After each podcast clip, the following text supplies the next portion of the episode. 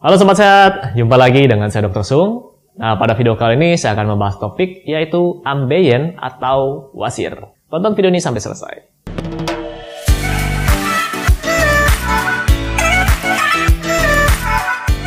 Ya, jadi uh, di video sebelumnya saya pernah membahas topik yaitu sembelit atau konstipasi, di mana seseorang yang mengalami hal tersebut mereka akan susah untuk buang air besar. Bisa dikarenakan karena kurang serat, mungkin kurang cairan juga air, dan salah satu komplikasinya adalah, salah satu efeknya adalah bisa menyebabkan timbulnya wasir atau ambeien.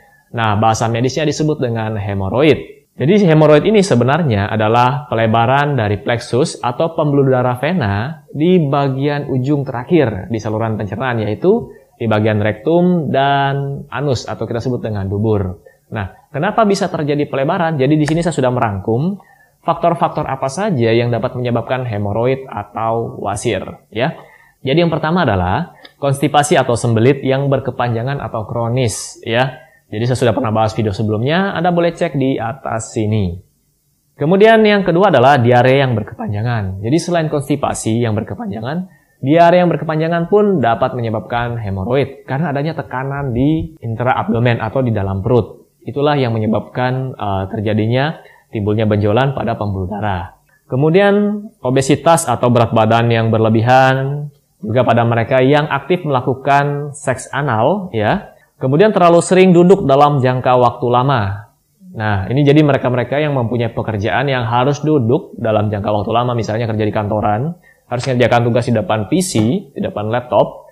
Jadi sesekali setiap 30 menit Anda harus bangun untuk berdiri, jalan-jalan santai, sekitar 2 sampai 3 menit kemudian duduk lagi. Atau mungkin kalau bisa lebih lama sekitar 5 menit. Lalu batuk kronis. Nah, batuk kronis juga ini misalnya pada mereka yang mengalami PPOK penyakit paru obstruktif menahun, jadi mereka harus batuk-batuk dalam jangka panjang, ya karena memang penyakitnya seperti itu, sebaiknya Anda berkonsultasi dengan dokter harus diobati.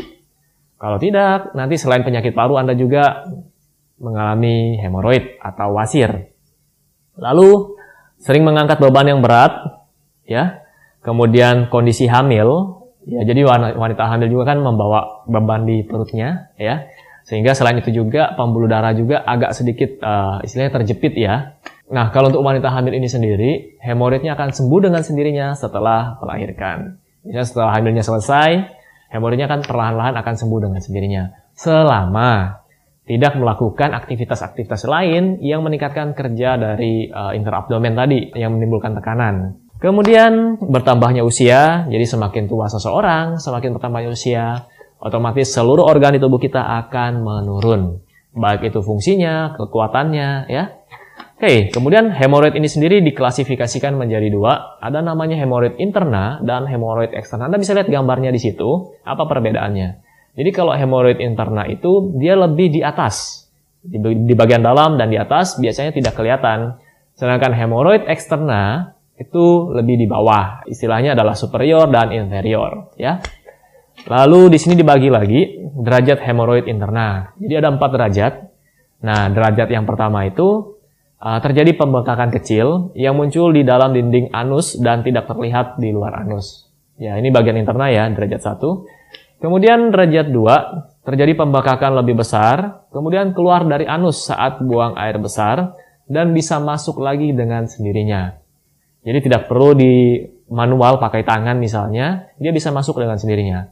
Nah, kalau sudah derajat 3, jadi ada benjolan kecil tadi yang menggantung di anus, namun setelah BAB dia keluar harus dimasukkan manual.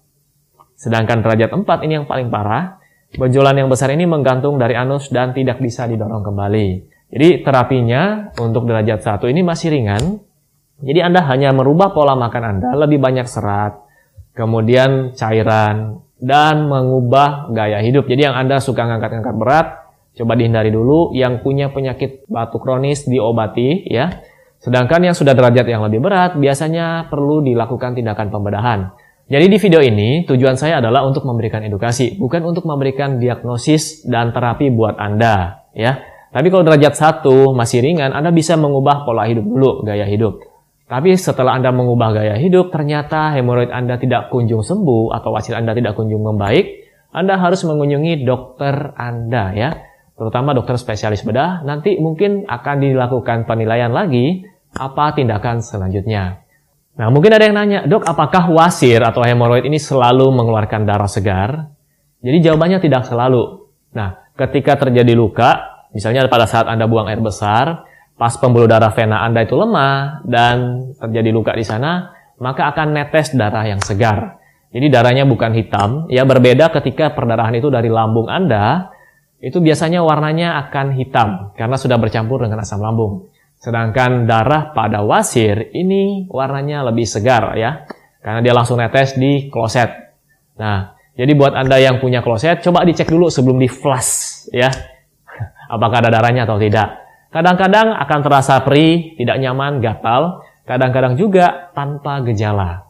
Jadi seperti orang normal, padahal sudah ada benjolan keluar di sana. Oke, semoga informasi singkat ini dapat bermanfaat, dan seperti biasa, buat Anda yang sedang mencari produk-produk yang mendukung kehidupan sehat, silakan kunjungi boxsehat.com. Oke, sampai jumpa di video saya selanjutnya. Salam hebat, luar biasa.